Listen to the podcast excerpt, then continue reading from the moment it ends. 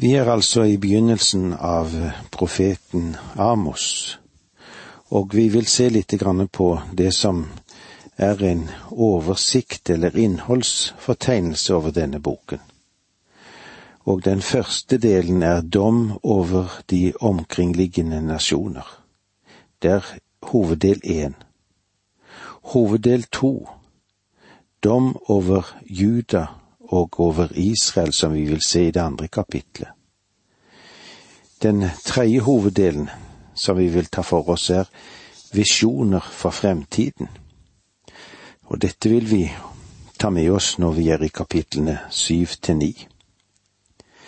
Men eh, dersom vi går til dom over de omkringliggende nasjoner, så må vi si at eh, det kan vi òg dele inn i syv avdelinger eller måte å ta det frem på.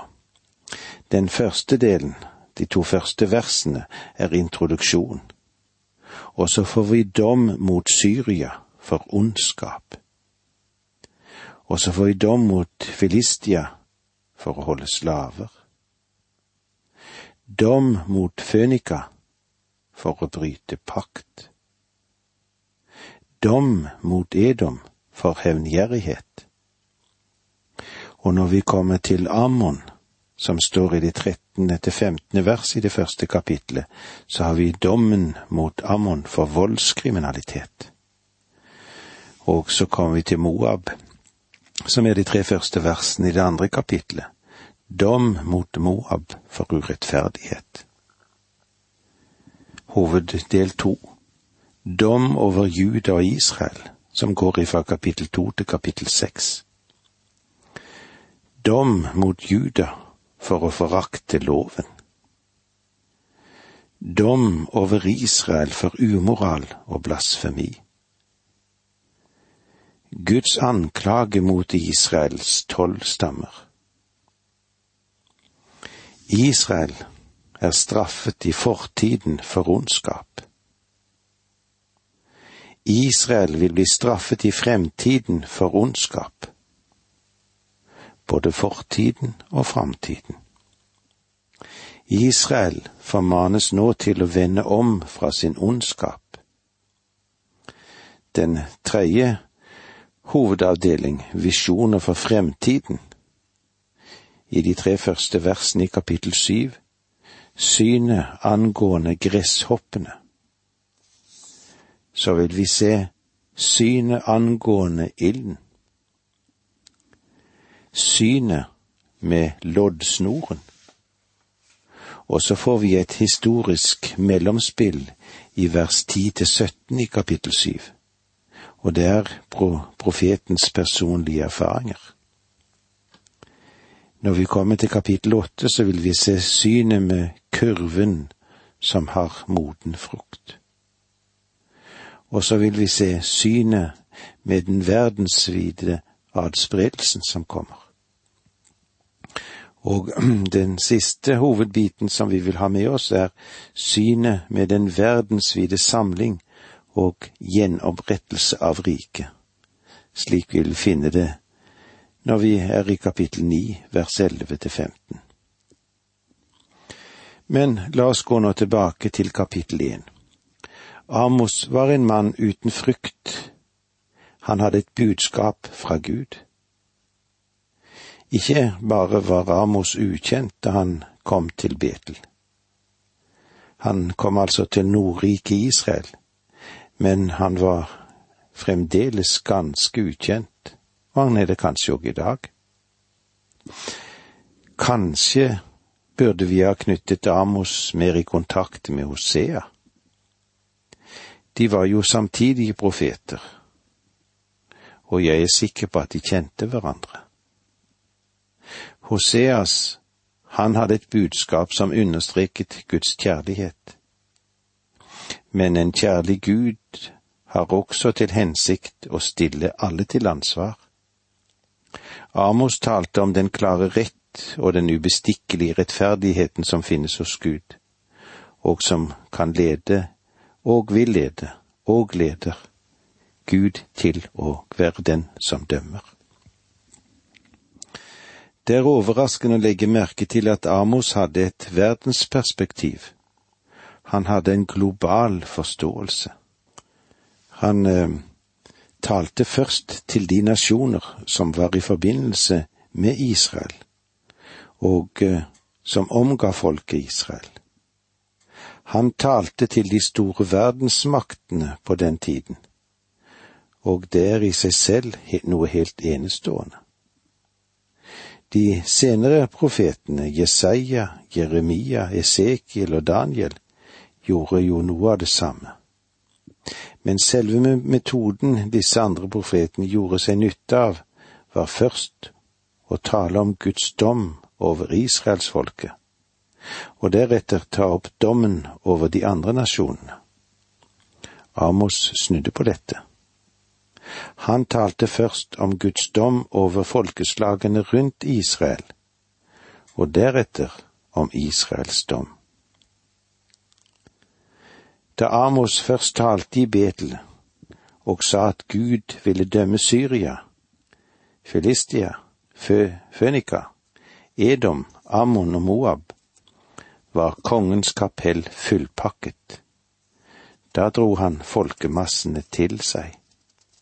De var glad for å høre at han forkynte dom over moabittenes synd. Det forstår du sikkert. Men ikke over deres synd. Slik er det mange mennesker liker å høre òg i dag. Som forkynnere må vi gjerne tale om moabittenes synd, men eh, den forkynner som bare nevner det i sin menighet, han kan snart komme til å havne i vanskeligheter. Amos synes ikke å ha utvist så mye diplomatisk takt når han tok for seg de andre nasjoner først. Han var en veltalende mann.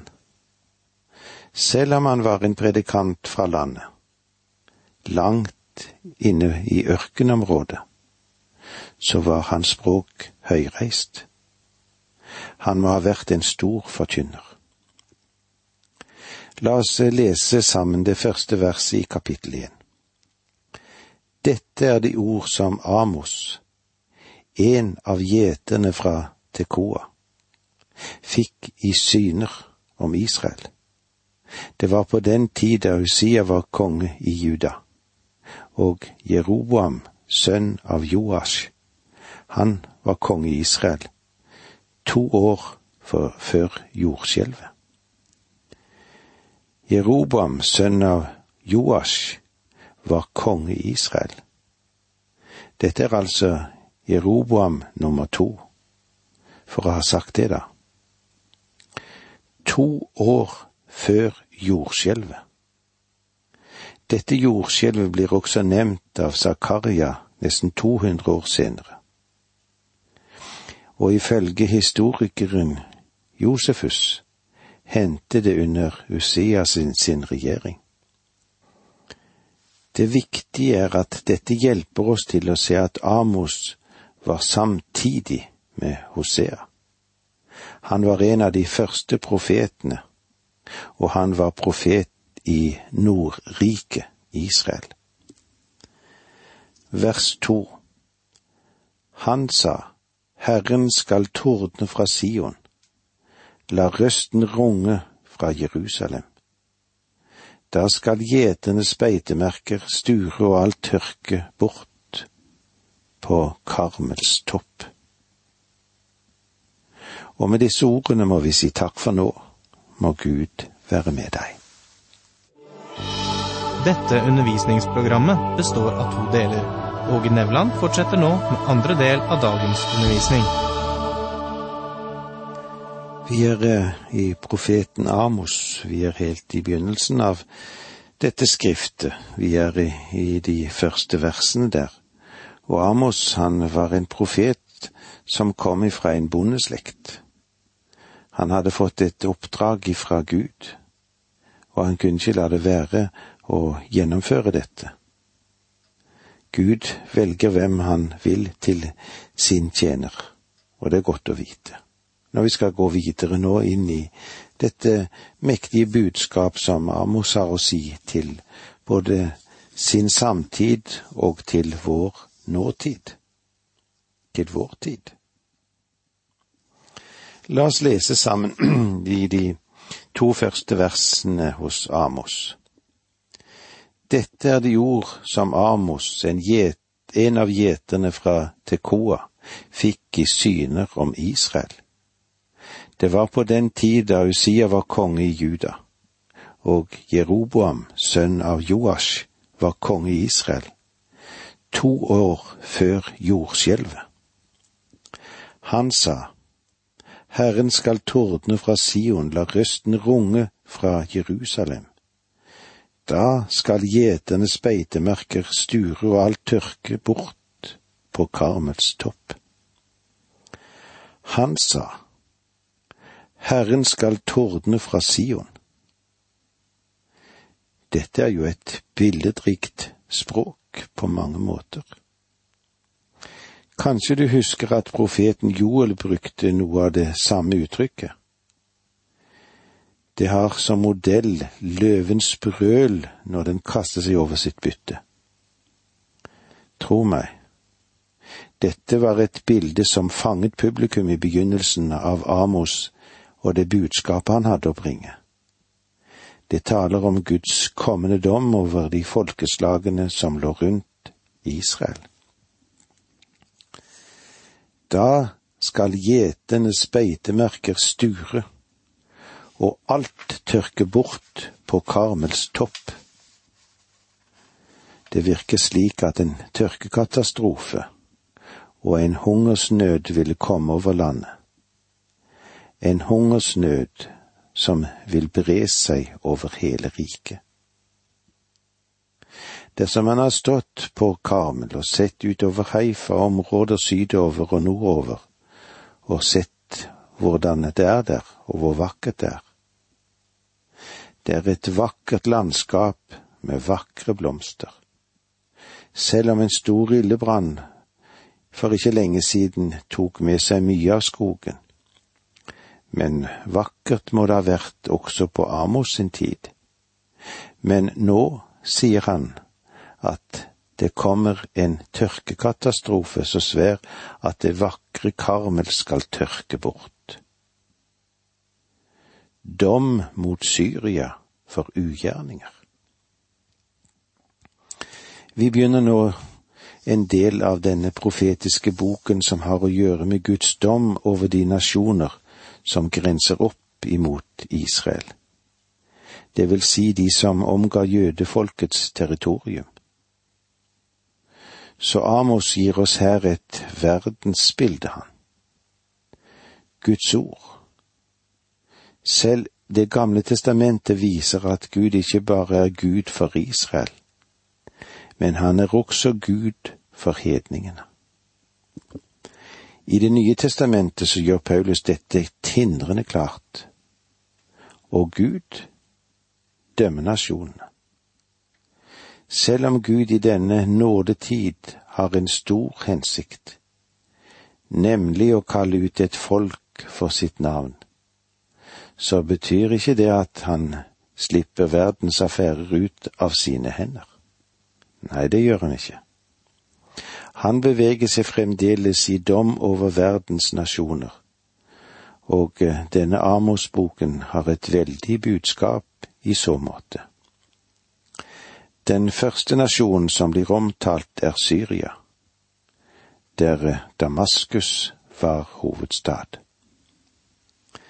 Vi leser sammen vers tre i det første kapittelet hos Amos. Så sier Herren, for tre ugjerninger Damaskus har gjort, ja, for fire tar jeg ikke min dom tilbake, for de har tresket Gilead med jernbeslåtte sleder. For tre ugjerninger Damaskus har gjort, ja, for fire. Amos prøver ikke å gi oss en liste over deres overtredelser. Han kunne sikkert ha ramset opp mange, mange flere. Dette bildet uttrykker at deres ondskap og ondskapens beger ja, det er blitt fulgt, og at ingenting nå kunne holde tilbake Guds dom som skulle komme over Syria. For de har tresket Gilead med jernbeslåtte sleder. Dette er den ugjerningen Syria har begått, og som de nå skal dømmes for. Disse treskeinstrumentene var skarpe, og de ble brukt for å banke ut kornet. Det er de som mener at disse ble brukt som torturredskapet mot folk i Gilead. I andre kongebok 10, 32 og 33 leser vi På den tiden begynte Herren å rive deler løs fra Israel. Hasael slo israelittene langs hele grensen. På østsiden av Jordan tok han hele Gilead, landet hvor Gads, Rubens og Manasses stamme bodde, helt fra Aroer ved Arnonelven og nordover, både Gilead og Basan. Syria angrep disse stammer først, og knuste de faktisk. Hva mener Amos med Gilead? Gilead lå på østsiden av Jordanelven. Det var det distriktet som kom så langt nord som til Galileasjøen, der Rubens og Gads og halve Manassestamme hadde slått leir på østsiden. Syria ligger rett nord for dette området og angrep dem og fremdeles er det stridigheter mellom Syria og Israel rundt Golanhøydene, som tilsvarer det gamle Gilead. På den tid hadde Syria kommet fra høylandet og ned mot Guds folk, og ganske enkelt harvet dem ned. Og Herren sier at han vil dømme dem for deres ondskap og den brutalitet som de viste. Vi leser sammen versene fire og fem. Jeg vil sende ild mot Hasaels hus. Den skal fortære Ben Hadades borgere. Jeg vil springe portbommen i Damaskus, utrydde dem som bor i Avendalen, og han som bærer kongestav i Bet-Eden, folk i Aram skal føres bort til Kir sier Herren. En ild skal komme over Hasael, kongen, og eh, over palassene, eller over borgene i Ben Hadad. Den som besøker Damaskus, må ikke tro at den her møter den opprinnelige byen på den plassen der de lå ved Amos sin tid. Det påstås at dette er den eldste byen i verden, men eh, den har faktisk gjennom tidene flyttet seg flere forskjellige steder eller områder. Den er blitt brent ned til grunnen flere ganger, og her henvises det til en av de gangene da dette skjedde. Utrydde dem som bor i Avendalen, Reiser du fra Beirut til Damaskus, passerer du et sted som heter Bal al-Bek, og Bal al-Bek er Avendalen. Ruinene der skal være fantastiske. Og romerne, de prøvde å kolonisere dette området, fordi det var et så vakkert område og distrikt. Og tempelruiner bekrefter den skjønnhet som også landskapet utstråler. Men Baalbek er blitt ødelagt, og folket bor ikke lenger i det området.